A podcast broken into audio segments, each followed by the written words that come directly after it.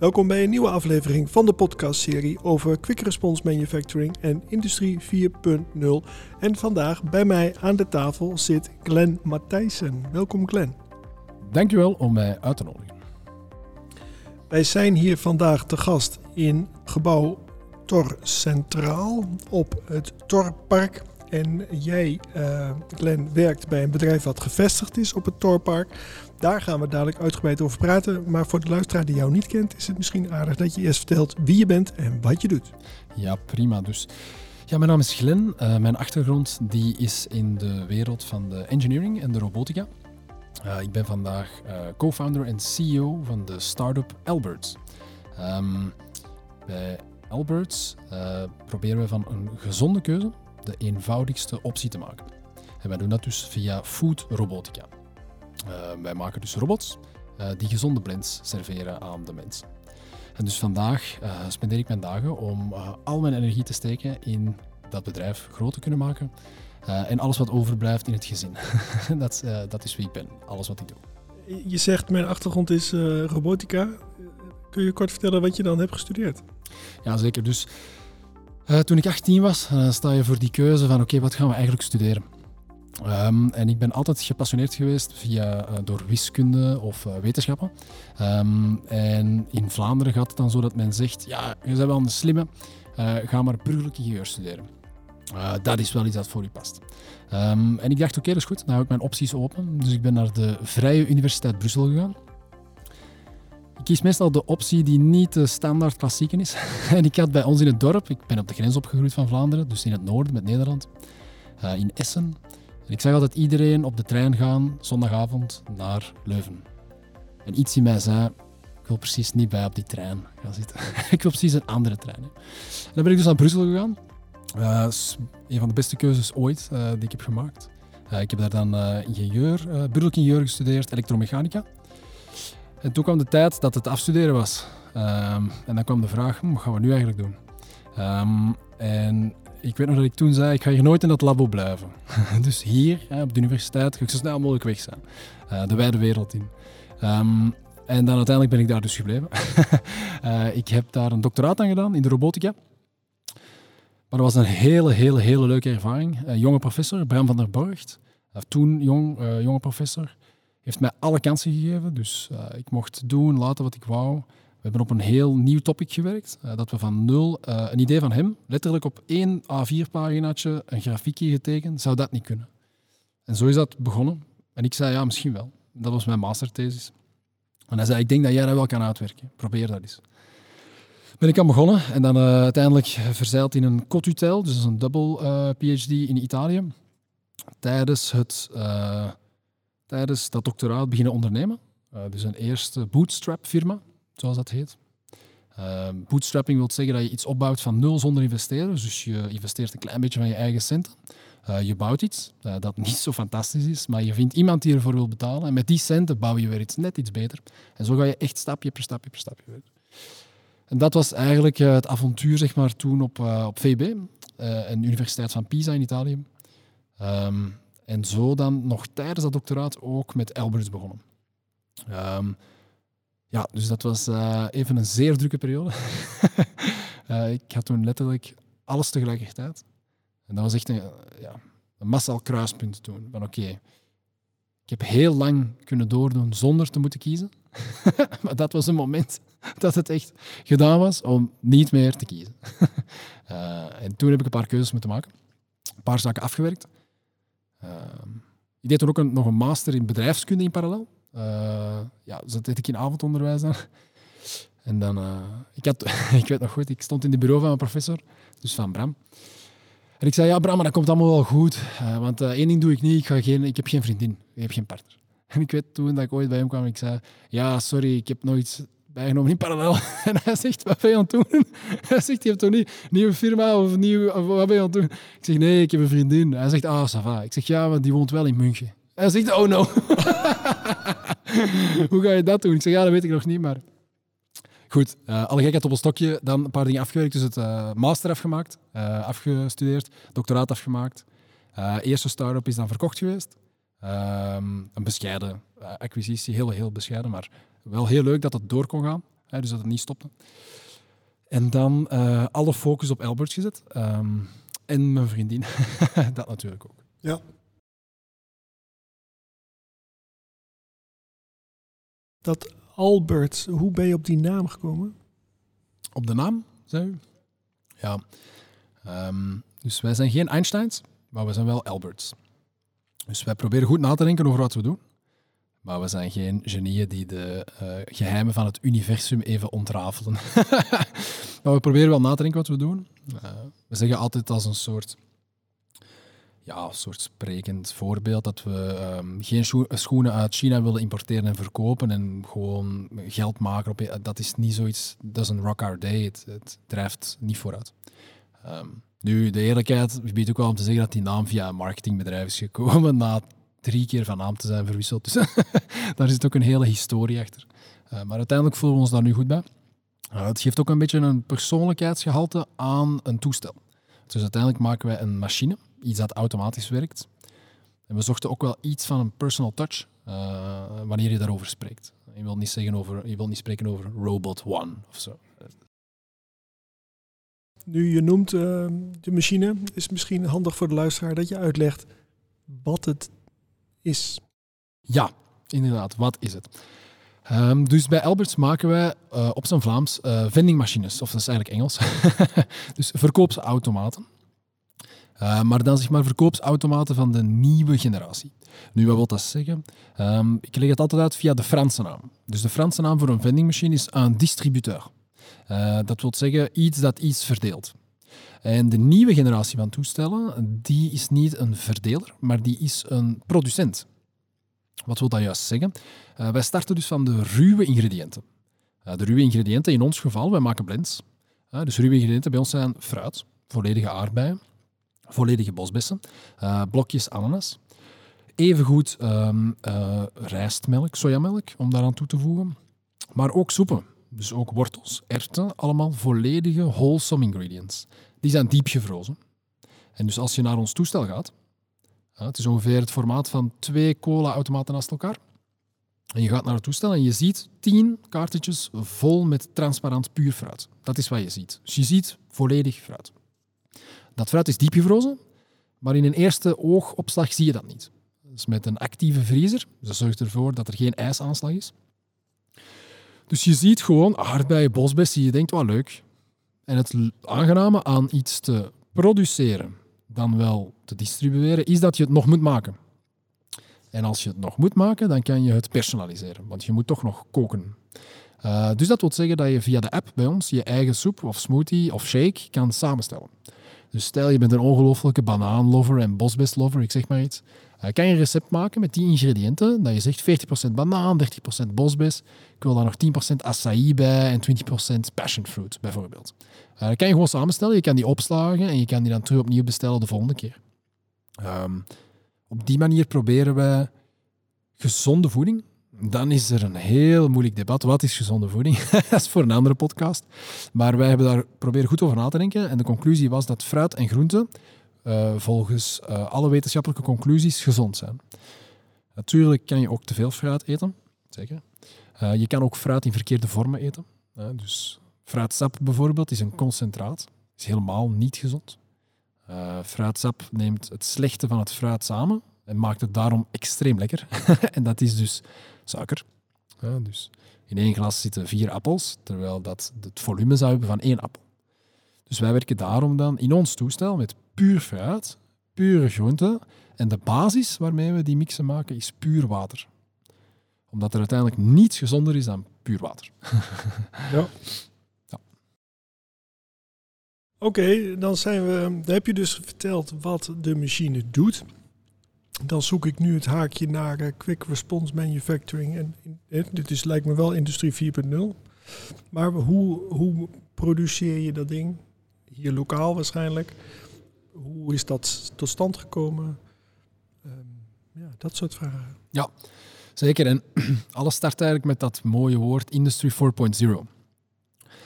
En alles start ook met hoe wij bijvoorbeeld ons toestel benoemen. Dat klinkt een beetje uh, nomenclatuur, uh, uh, details, maar dat is heel interessant. Want toen we begonnen, hadden wij letterlijk aan de tekentafel discussies zullen we het, of, of gesprekken meer, hè, zullen we het een machine noemen of zullen we het een robot noemen? Vandaag, zeven jaar later, vanaf de eerste discussies en tekentafels en gesprekken en brainstorms, uh, is food robotica. Food robotics is een aparte tech-sector. Dus vandaag is bijna alles plots een robot. Um, en dan komt inderdaad de vraag, oké, past dat binnen Industry 4.0? Ja, want wij zijn eigenlijk een mobiele smoothiefabriek in één vierkante meter op locatie. En dan komt uiteindelijk de vraag, oké, goed, je gaat dus eigenlijk voor een soort decentralized productiesysteem van je voeding, waarbij je die voeding op locatie gaat maken, met het grote voordeel dat alle vitamine nog in de beker kunnen zitten. Je moet dus niet volledige pasturatieprocessen gaan doen, waardoor je bekertjes eigenlijk gewoon dood, uh, dode vloeistof zijn. Um, maar dan komt uiteindelijk de vraag, oké, goed, als je dat allemaal wil doen, dan moet je uh, je toestel dus designen. Dus dat is stap 1, daar hebben we veel tijd moeten insteken. Het is geen uh, Spaceship to Mars, uh, zeker niet, maar je zit toch met 120 graden stoom, uh, min 20 in de vriezer voor de ingrediënten. Je zit met megatronica, connectiviteit, loadcells, um, water. er komt toch snel een, redelijk wat bij kijken voor een ogenschijnlijk eenvoudig toestel. Dus we hebben lang in die designfase gezeten, zeer iteratief te werk gegaan. Dus wij hebben heel snel gedurfd, of ja, durven, dat is gelinkt aan dapper, maar ik denk dat het ook een heel groot stukje naïef was. Hebben die toestellen in de markt gezet. En gewoon gezegd, let's do this. Kom op, we gaan testen, terug itereren. En dan op een gegeven moment kom je bij de fase, hoe gaan we dit bouwen? En uh, ja, dan begin je met veel mensen te spreken. Hè? How do we build this? Uh, maar ik had heel snel het idee, omdat ik dus via mijn doctoraat ook heel veel invloeden had gehad op de conferenties waar ik naartoe ging om te spreken over mijn stukje onderzoek, wat iets helemaal anders was, iets heel fundamenteel. Maar ik heb daar heel veel inspiratie op gedaan. Hoe werkt uh, zo een beetje de nieuwe wereld in die productie? wat is upcoming? en dan eigenlijk via het bedrijf, via de firma, beginnen ontdekken wat er al is hier in Vlaanderen. dan heb je dus QRM, Quick Response Manufacturing. Dat zijn dus ongelooflijk mooie pareltjes van bedrijven. Uh, wij zijn hier vandaag, zoals u had gezegd, in Genk. Uh, dus hier in Genk is een supermooi bedrijf, Provan. Uh, wij werken daar nu mee samen. Provan is een firma die er prat op gaat en trots op is dat ze geen stok hebben van nog eindproducten, nog halffabrikaten, nog basisproducten. Dus dat lijkt onmogelijk. is natuurlijk een kleine stok uh, natuurlijk wel. Het is niet uh, à la minuut geleverd, zoals Gorilla's op 10 minuten, maar het is echt een minimale stok van materiaal. En de bedoeling is dus dat die elementen door de fabriek vliegen en vanaf die klaar zijn, packed, shipped worden. Um, dat zorgt ervoor, en dat vind ik altijd mooi als de eigenaar Ben dat toelicht, hij zegt, ja, soms staan er bij ons mensen niks te doen. Maar dat wil zeggen dat het in de bigger part of the picture beter is. Want anders had misschien die persoon dat stuk dat op de werktafel ligt of op het toestel ligt in stok moeten zetten om dan even een half uur iets anders te kunnen doen. Maar ja, dan hebben we weer al een stok aangelegd en weer een stokmanagement systeem en zitten we weer... Dus uh, liever uh, alles computergestuurd uh, en alles in één workflow. Dus dat is een prachtig mooi bedrijf, daar werken we nu mee samen. En dus zo'n invloeden kwamen in mijn hoofd. Um, ik ben dan ook een paar keer tegen een muur aangelopen, een heel harde muur. proberen ehm, contact te leggen met de grote vendingfabrikanten krijg je zo'n mailtje terug. Ik heb die mail deze week nog eens teruggezien. krijg je zo'n mailtje terug. Uh, yes, our full R&D department is, uh, is fully occupied for the next two and a half years. Uh, Oké. Dus je merkt gewoon, ja, we zijn niet belangrijk voor, voor hen. Uh, zij zitten met hun eigen uitdagingen. Die zijn meestal incremental innovation. Dus bijvoorbeeld, oh, er moet nu een andere koelvloeistof in onze toestellen. Laat ons ons huidige ontwerp aanpassen dat dat kan ah, iedereen wil nu kunnen betalen met uh, zulke soort kaart. Laat ons proberen die integratie te doen. Dat is allemaal incrementeel. En wij kwamen af en wij zeiden, ja, we gaan smoothies en soepen maken met pure ingrediënten, voedsel, frozen. Ik weet dat ik op een beurs was en men zei, ja, er is maar één grote speler die met Frozen werkt. En ik ga daar spreken en die zegt, ja, actually, we're not doing it anymore. en ik dacht holy fuck. Oké, ondertussen weer wel een beetje met ice cream. Maar goed, lang vooral kort. Uh, wij hebben er uiteindelijk dan voor gekozen om voor een ontwerp te gaan. Eh, dat zeer uh, modulair opgebouwd is. Uh, waarbij we dus het, als ik in autotermen spreek, zeg maar, dus het chassis en de carrosserie, dus het metaalwerk, wordt allemaal gemaakt zoveel mogelijk met buislasertechnieken. Zo weinig mogelijk laswerk en dergelijke ingestoken. De beste las is geen las, zegt altijd de eigenaar van Provan. er zitten lassen in, hè, maar het is zo weinig mogelijk, zoveel mogelijk pokajokken in het design. Ehm, en dan het mooie is dus, aangezien die fabriek zeer QRM werkt en real-time werkt, kunnen we daar dus ook kleine oplages bestellen. Klein bedoel ik bijvoorbeeld 10 per maand, maar als ik twee maanden later er 15 moet hebben, is dat ook geen enkel probleem. Dat kan ingepland worden. Dus dat, daar starten we dan dus eigenlijk van een ontwerp waarbij we de basis, het metaalwerk, vrij uh, scherp hebben kunnen zetten. Ook scherp qua prijs, uh, tot mijn grote verrassing zelf. Uh, omdat heel veel geautomatiseerd is, bespaar je daar heel veel ook op het prijsgedeelte. En ik heb dus heel veel geleerd eigenlijk van die, hier allemaal in de regio. Ik ben nog voor een andere partner van vroeger voorbij gereden, Exmoor, op de weg naar hier in Molenstenen. Dat is ook een uitspraak altijd van die eigenaar. Ja, je kan veel besparen met naar het Midden-Oosten te gaan. Ah, sorry, met naar het Oosten te gaan, het Verre Oosten te gaan. Maar de machines die daar vrezen, die kosten evenveel als hier. Want het zijn maar dezelfde machines. Dus het zijn alleen de mensen. Uh, en er zijn heel veel zaken bij ons al geautomatiseerd. Dus ja, je wint uiteindelijk nog maar dat ene stukje dat daar is. En dat klopt voor zaken, zeker die dus vreeswerk zijn en buislezerwerk, klopt dat. Uh, andere zaken niet. Als je pure handjesarbeid, zeg maar, daar niet. Wij werken nu dan samen met een laatste partij die belangrijk is in de schakel, is Dekimo. Dus we hebben het carrosserie en chassis bij Provan. En Dekimo is een partner voor ons waarbij we onder één huis op 18 verschillende sites zijn zij actief in Benelux, voornamelijk denk ik, ja, Benelux. Um, en wat zij voor ons doen is dus de eindassemblage. Maar zij doen ook heel het stukje van bekabeling. En ook heel het stuk van de final engineering van de bekabeling final engineering van de elektronica gedeelte voor ons. Dus wij leunen heel sterk op die um, sterke KMO's die er zijn. Ik heb wel soms wat te lachen gezegd, we gaan geen gigafactory bouwen. Vlaanderen is onze gigafactory, waarbij gewoon de verschillende departementen verschillende oerdegelijke sterke KMO's zijn. En wij zijn een zeer onzekere factor in heel die puzzel. Want een nieuw product, nieuwe firma, jonge mensen. Dus ja, dat gaat dan wel eens fout en dat gaat dan wel eens goed fout. En uh, dat duurt dan wel eens langer en dat is dan wel eens moeilijk. Um, dus wij hebben dat ook nodig om op zulke firma's te kunnen leunen die echt al heel die historie hebben, goed georganiseerd zijn. En uh, ja, voilà. Dus dat is een beetje onze link daarmee vandaag, hoe wij dat hebben aangepakt. Wauw, dat klinkt uh, supergoed. ja. Een van de belangrijkste pijlers van uh, eh, QRM is uh, lead time reductie. Zegt jou dat wat en heb je daarmee te maken? Ja, zeker vandaag. dus ik denk dat iedereen het wel weet dat er wereldwijde shortages zijn op van alle zaken. Dat is begonnen met de vrees voor het wc-papier. um, die bleken een heel groot stukje ongegrond te zijn. Maar de kern van die boodschap was wel waar. Namelijk, oh shit, we kunnen wel eens problemen hebben met al onze componenten. Um, en dat is dan ook waarheid gebleken. Iedereen heeft het van nu al wel honderd keer op het nieuws gehoord. Microprocessoren, grote problemen. Uh, materiaal, bouwstoffen, dus hout hebben wij minder mee te doen. Maar bijvoorbeeld wel isolatie hebben wij mee te doen, onze vriezersfabrikant. Maar ook metaal uh, is wel beschikbaar, maar met prijsniveaus die, um, waarbij letterlijk onze partner zegt, die kan je geen offerte meer geven die weken geldig is. Uh, je plaatst het order, ik bereken de prijs en je bevestigt omdat het zoveel fluctueert. dus zij moeten ook die prijzen kunnen vastzetten. Puur op lead time, wij zitten nu in de opstart van die productie met die twee nieuwe partners. Um, de lead time van ons vandaag uh, is een enorm groot probleem, of een grote uitdaging, uh, positief uitgedrukt. Waarom? Omdat we helemaal in opstart zitten van al die leveranciers ook te bundelen. Eh, dus we gaan naar minder leveranciers. Dus je komt op uitdagingen.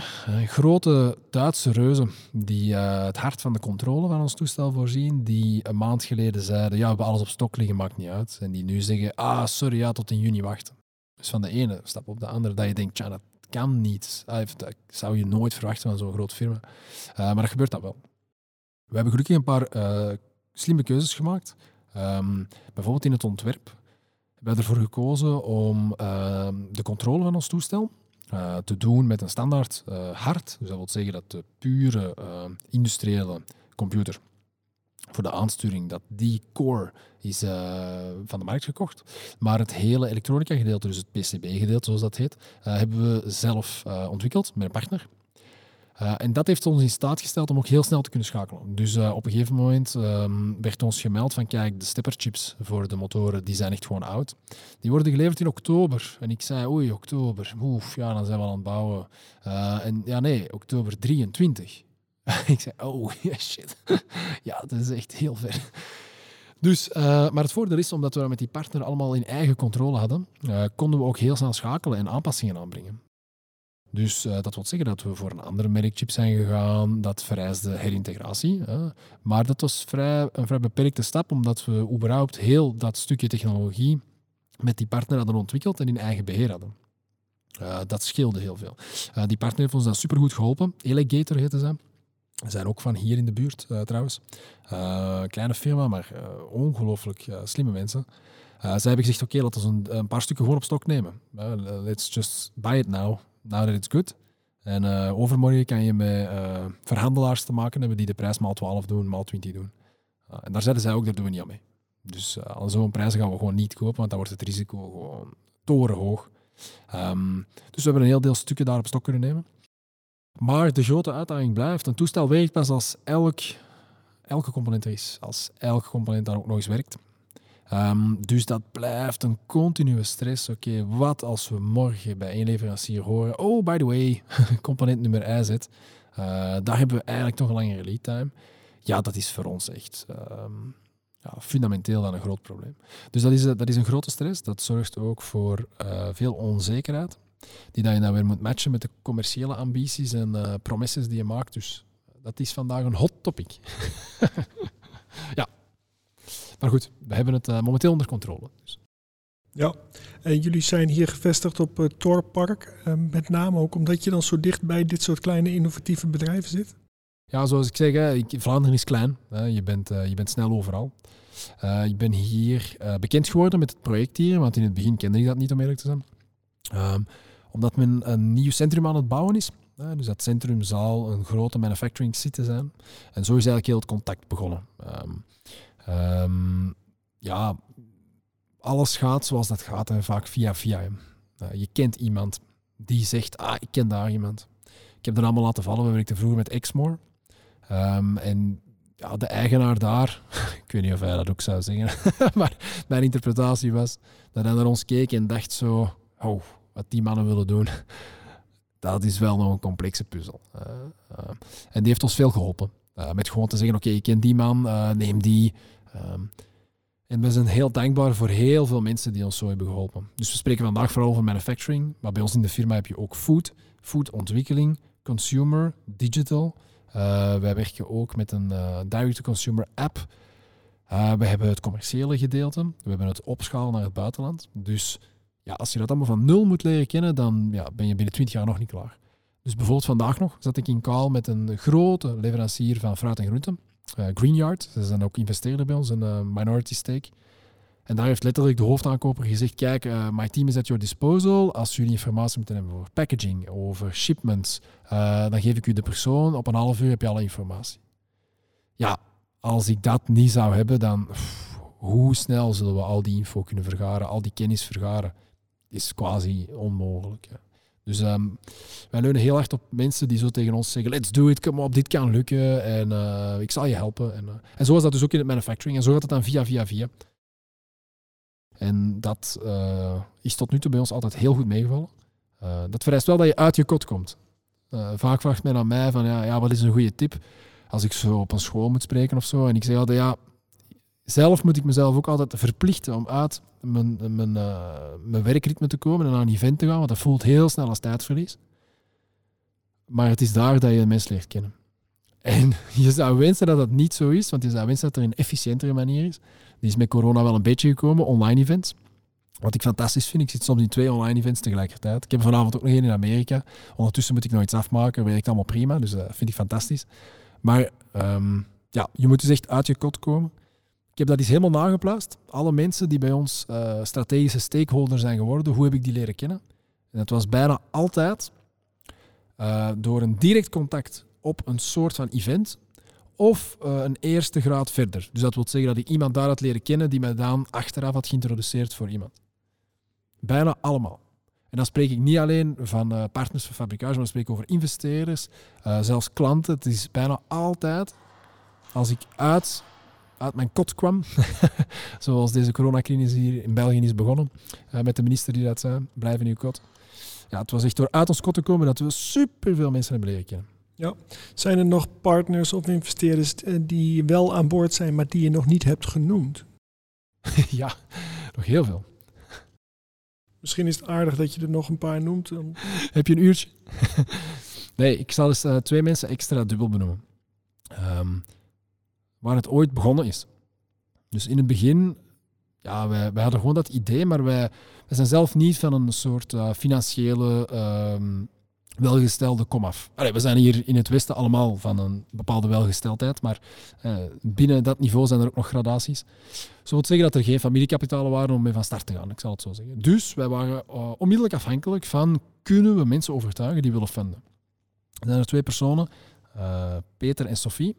Dat zijn dus wat men letterlijk business angels noemt. Hè. Dat is de term en ik denk dat die term bij hen echt perfect paste. Ik weet nog, bij, bij Sofie hebben we letterlijk uh, die investering getekend op haar uh, tafel in de woonkamer. En de kinderen waren rond aan het lopen. Dat was zo, uh, als ik daar nu aan terugdenk, denk ik, wow, ja, dat was eigenlijk ongelooflijk. Um, Peter hebben we leren kennen op een pitching sessie. Wij pitchten en achteraf zeiden we tegen elkaar, ja, heb je die ene man zien knikken? En ja, ik heb ook iemand gezien van achter. Ja, die was zo, ja, en voilà, dat was dan uiteindelijk is dat onze investering geworden. Dus zij met twee hebben eigenlijk de beginstap gedaan. Total step in the dark. Uh, durf ik wel te zeggen, want ja, wij wisten zelf nog niet exact wat we allemaal gingen doen. Dus ik veronderstel dat zij dat ook niet exact wisten. Uh, en vandaag volgen zij ons nog, zijn ze nog mee aan boord, proberen ze ons nog te helpen, overal waar dat kan. Dus wij zijn heel veel dankbaarheid aan hen verschuldigd. Um, en mag ik nog één toevoegen? Zeker. Veel, veel ondernemers zeggen altijd, I did it all en we did it all ourselves. Maar um, een van de grootste stakeholders op de belangrijkste momenten is de overheid geweest. Ja, die wordt heel vaak vergeten in een soort uh, dankwoordrondje. Maar de overheid heeft Alberts heel veel geholpen. Wij hadden helemaal in het begin een subsidiedossier uh, goedgekeurd gekregen, conditioneel aan het vinden van investeerders. Maar dat wil dus eigenlijk zeggen dat op die moment de overheid had getekend met één voorwaarde dat we nog investeerders moesten overtuigen. Maar dus de eerste handtekening ooit die was van de overheid. Toen er eigenlijk quasi niets was, behalve een demonstrator en een soort eerste concept. Um, en zo is er heel veel steun geweest. Uh, hebben ook heel veel innovatieve projecten tot een mooie einde gebracht. Um, maar dat vergeten heel veel mensen uh, te zeggen. Dus, uh, ja, dat is mooi dat je dat aanhaalt. Want uh, deze podcastserie over Quick Response Manufacturing en Industrie 4.0 uh, wordt mede ook juist gesteund door overheid en door subsidieverstrekkers. Ja, klopt. Ja, dat is super mooi. Oké, okay, is er nog iets wat ik niet heb gevraagd of wat je graag zou willen toevoegen? Ja, allereerst moet ik natuurlijk het team bedanken. En dat lijkt ook standaard, maar je moet goed inbeelden. Je hebt maar één leven, of toch voor zover we weten. En je wordt dus wakker en je beslist dan wat ga ik doen. En er zijn superveel mensen vandaag of in het verleden, die gewoon zijn wakker geworden en met superveel goesting, dus niet alleen het gedaan maar ook met veel zin, energie, binnen zijn gekomen en hebben gezegd, ik wil keihard werken om deze oplossing op de markt te krijgen. En als je dat van buitenaf bekijkt, maar dus van echt veraf, dan is dat eigenlijk bijna absurd. Um, en als je daarin zit, dan vergeet je het. Dus dat moet ik eens doen. Iedereen bedanken. En heb je misschien nog een goed advies voor iedereen die uh, de kleine start-ups een warm hart toedraagt? In no way voel ik mezelf in een positie om uh, op een groteske manier uh, raad te geven of zo. Maar wat ik uh, leuk vind hier in Vlaanderen is dat er dus um, rond zeg maar, het innovatieve toch veel wordt gewerkt. dat er heel veel kansen zijn. En ik, ik heb meer en meer de indruk um, dat meer en meer mensen zich bewust beginnen te worden van die kansen. Ik had vorige week nog bijvoorbeeld een telefoon van een architect die mij opbelde en zei: Ja, we gaan een app maken. En we gaan een app maken met, met, een, uh, was het, met een aannemer. En ik heb twee programmeurs en uh, we gaan er een heel ding rond maken. En dan dacht ik: Wow, als je dat lange tijd geleden had gedacht, dat iemand zo uit zijn comfortzone zou stappen met zoveel goesting. En hij vroeg dan ook: Ja, is er geen manier dat we een soort uh, eerste innovatieve steun of zo zouden kunnen vinden? Ken je daar iets in? Dus ik denk. Um, het is super aangenaam om een visie te hebben en dan te proberen daar een oplossing rond te maken. Want uiteindelijk een visie verkoop je niet, je verkoopt een product of een dienst. En om dat van, van scratch of, of niet van scratch, een soort partnership op te zetten. En dus um, ja, ik zou iedereen willen motiveren om als er zoiets in de gedachten aan het broeien is, om dat echt te durven. Want er zijn superveel kanalen die je kunnen helpen. Van Brio tot Flyo tot Flounders Make tot zoveel kanalen waar men echt klaar staat om je te ontvangen en te zeggen: Oké, wat wil jij doen? What's in your mind? Ehm, en ja, netwerk ondernemen bijvoorbeeld ook, hebben wij ook bij geweest. Je hebt supermooie acceleratoren, IMEC, iStart, netwerk, uh, netwerk ondernemen. Er zijn er zoveel. Um, ja, dus ik denk dat dat wel... En dat, dat weten veel mensen niet. Ik ben dat gewoon toevallig allemaal daar toevallig op gebotst door een beetje op de universiteit te blijven. Omdat je dan in contact komt met al die organisaties via de projecten van de universiteit. En dan was ik snel via de start-up een beetje langs de industriekant gegaan en dan zo een beetje tussenin springen.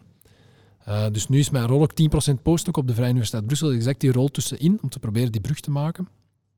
Wat ik super leuk vind. Um, maar voilà. Dus misschien iets toevoegen. Als je met een idee zit, er kan echt superveel hier lokaal gedaan worden. De architect die je, die je net benoemde, die ging een app ontwikkelen. Maar voor mij is een softwarearchitect die een app gaat ontwikkelen niet gek. Maar dit was kennelijk een architect van iets anders. Ja, klopt. Ja. Uh, dus het was een bouwarchitect. Dus uh, iemand die uh, letterlijk in de bouw zit. En die zegt, ja, ik heb altijd problemen met te spreken met de bouw. Um, misschien wil hij niet dat ik het verklap. er is een communicatieuitdaging tussen aannemers en tussen architecten. En hij zegt, we gaan dat oplossen. Um, maar dat is, toch, ay, dat is toch echt cool. Iemand die 10, 15 jaar daarin gewerkt heeft, zelf ervaring heeft opgedaan. En dan mensen ontmoet die zeggen, kunnen we dat niet oplossen? We hebben een goed idee, let's do it. Ja. ja, dan snap ik de architect. Ik heb altijd uh, drie afsluitende vragen. En uh, de eerste vraag is, uh, door wie of wat word jij geïnspireerd? Kan zijn een boek, persoon, YouTube-kanaal? Het is extreem cliché, maar ik word eigenlijk sterk geïnspireerd door mijn kleine dochter. dus dat is um, heel cliché, dat weet ik. Dus ik ben iemand die probeert altijd graag te denken hoe kunnen we iets maal duizend doen of hoe kunnen we iets doen dat kan schalen. En um, soms in het dagelijkse leven hindert die gedachte. Want ja, twee uur een boekje lezen met een kindje van twaalf maanden ja, is weinig schaalbaar. Um, maar ik heb daar ongelooflijk veel genot uh, van uit ervaren en in gevonden. Maar ook inspiratie om gewoon even stil te staan. Dus ik ben iemand die altijd blijft gaan, die nooit stopt. Go, go, go, go, go, go, go. Er is geen rem. Nooit, nooit, nooit, nooit, nooit. En nu is dat een soort natuurlijke rem die toch goed besteed voelt. is een soort openbaring. en dan, uh, ja, mijn partner Vera is daar ook fantastisch in. Dus. Um, daarnaast, om in uw pot, uh, om in, u had ook gezegd YouTube-kanaal of zo. Dus het is geen YouTube-kanaal, maar ik vind, dat is ook cliché, maar ik vind wel veel inspiratie in Elon Musk. Uh, als ondernemer is natuurlijk vandaag de number one uh, mentioned probably, maar uh, ik ben die al heel lang aan het volgen ook. En nu zijn er supercoole dingen aan het gebeuren, want nu loopt hij eigenlijk vanuit de auto's terug naar Tesla Bot, wat dan weer een humanoid is, wat eigenlijk voor mij terugloopt naar het, de tijd dat ik mijn doctoraat aan toe was, want dat ging toen over humanoids. Ik weet nog die filmpjes op die congressen dat, dat men compilaties maakte. How good the robots were falling down.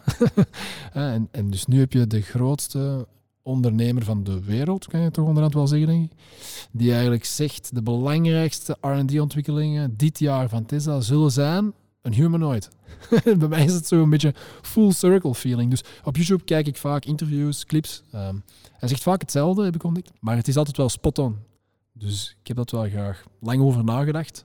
En hij zegt tien keer hetzelfde eh, in allemaal verschillende conferenties, maar dat is omdat het is gewoon exact wat hij zegt, is exact hoe het is. Dus hij wil daar ook niks aan toevoegen. en hij heeft waarschijnlijk een goed marketingteam. nu bouwt uh, hij um, voor Tesla gigafactories. Staat dat uh, haaks op uh, de gedachte van Quick Response Manufacturing? Ja, ik, uh, ik, denk het niet. Waarschijnlijk op bepaalde prioriteiten wel. Maar wat, wat wel mooi is, is dat hij ook probeert in zijn masterplan, zeg maar, probeert hij in die ene fabriek uh, te gaan vanaf de puur, of dat was toch zeker origineel het idee, van de pure grondstoffen voor de batterijen, dus lithium, helemaal naar het afgewerkte product gaan. En daar zitten toch veel bouwstenen in van die QRM, omdat je veel minder afhankelijk bent van tussenspelers, tussenleveranciers. Je kan echt veel sneller gaan. Eh, je kan dus ook sneller bijsturen.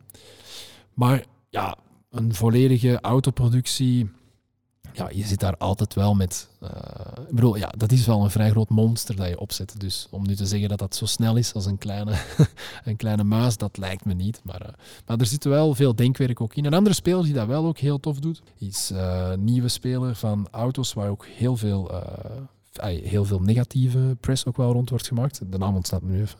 Ehm, Arrival. Dus er zijn veel negatieve dingen te zeggen, of, of toch veel zorgen te maken over Arrival. Bijvoorbeeld dat in hun IPO er geen revenue line in de financial statement stond, wat toch vrij vreemd is voor een onderneming. Maar wat heel cool is, is dat zij dus uh, een beetje haakt op Elon Musk, waarschijnlijk ook daarom gedaan, een stukje. Maar zij begonnen echt meer na te denken, hoe kunnen we in kleine microstations uh, anders beginnen ontwerpen. Dus bijvoorbeeld, in plaats van... Elon Musk heeft de grootste casting press ooit gemaakt. Dus die kan onmiddellijk een volledig chassis uh, pressen. dus dat is echt mega indrukwekkend. Dat is nooit gelukt. Uh, echt zware materiaal kunnen er aan de pas gekomen. En dus die andere mannen van Arrival zeggen, ah, kunnen we eigenlijk geen Garmin's gebruiken om alle chassis te maken. Dus die gebruiken Garmin's zijn stoffen die dan gedrukt worden in een bepaalde vorm. Maar dat kan je in een hele kleine module doen, zo groot als deze ruimte, die nu niet zo heel klein is, maar in termen van een gigafactory is het vrij klein. Dus die mensen hebben echt proberen te denken hoe... En het voordeel van een stof is dat je dat kan oprollen, dus je hebt daar geen gigapres voor nodig. Dus ze hebben echt proberen te denken vanuit hoe kunnen we dit heel agile opzetten. Ja, om nu eerlijk te zijn, dan hoor ik ook dat ze in Netcar gaan gaan bouwen in Nederland. Dus wat er dan nog overblijft van die originele filosofie is nog maar te zien uiteindelijk. Maar dus dat vind ik zelf inspirerend om te luisteren naar die sessies en om dan te denken hoe gaan wij dat dan eigenlijk doen. Is er ook een uh, podcastserie waar jij uh, graag naar luistert? Ja, deze. nee, uh, ik ben iemand, dus ik ben eigenlijk. Ehm, ik heb nooit sociale media gehad zelf. Um, dus ik heb nooit Facebook gehad, Instagram gehad, niets daarvan. Ik ben sinds corona wel YouTube beginnen kijken. en ja, LinkedIn heb ik voor de firma. Um, dus ik, ik ben meestal bezig, dus ik volg uh, geen podcasts. Ik kijk uh, vooral het nieuws. Dus dat is zeer saai in de dag van vandaag. Maar ik ben nog iemand die gewoon uh, luistert naar ter zake, de afspraak. In de auto, in de douche en uh, altijd als ik onderweg ben of zo, probeer ik dat mee te pikken. En dan zoek ik verder op rond die topics. Dus dan ga ik zo on the web searchen. Maar ik volg geen langgerekte podcast. Wat ik wel doe dus op YouTube is clips kijken van die podcast. Dus bijvoorbeeld Joe Rogan, daar kijk ik dan bijvoorbeeld zo uh, 40 second clips van. Zoiets, dat doe ik wel. Um, maar echt uh, lange podcast, nee, is niet aan mij besteed. Ik ben te, te veel go, go, go, go en uh, ik kan daar niet zo lang blijven stilstaan. En mijn afsluitende vraag is: naar wie zou jij graag eens willen luisteren in het kader van deze podcastserie over Quick Response Manufacturing en Industrie 4.0? Ja, Elon Musk en Kanye West zouden super tof zijn, maar gaat misschien een beetje moeilijk worden. Kanye West, zei je dan? ja, zou toch wel leuk zijn? nee, goede vraag. Uh, een firma die ik ook wel tof vind en die in lijn ligt met die andere partner bij ons, Provan, is 24-7 Steel. Taylor Steel is 24-7 Taylor Steel of Taylor Steel, ik weet niet juist de exacte naam. Het is een uh, super mooie firma. Ik volg ook een ze, ze posten niet zo heel veel met de deuren open, maar ik volg toch een beetje zo de, een van de eigenaars. Uh, zit ook wel op LinkedIn en dan kijk ik ze wel wat mee. Dus dat is een firma waarbij je dus letterlijk een ontwerp dat je hebt gemaakt voor te plooien of te laseren. Dat je in een soort tool, Sophia heet dat, gooi je dat erin. Je krijgt een onmiddellijke quote je bestelt onmiddellijk, net zoals je een USB-stick zou bestellen op bol.com. En drie dagen later tot zeven dagen later ligt dat stuk bij jou op de stoep. En heel de fabriek is maximaal geautomatiseerd georganiseerd. Is, vind ik wel indrukwekkend. ik bedoel, dat is echt wel een richting waarin je kan gaan om heel efficiënt zaken te maken. Dus dat zou wel tof zijn, denk ik. Ja, dat, uh, dat klinkt uh, supergoed. Nou, dan uh, Glenn, uh, rest mij niks anders dan jou te bedanken voor dit uh, inspirerende gesprek. Ja, jullie bedankt. Ik vond het heel leuk. Dankjewel. Ja, en ik wil ook de luisteraar bedanken voor het feit dat je al die tijd bij ons bent gebleven. Vergeet niet om je te abonneren, want binnenkort staat er een nieuwe podcast voor je klaar. Graag tot dan.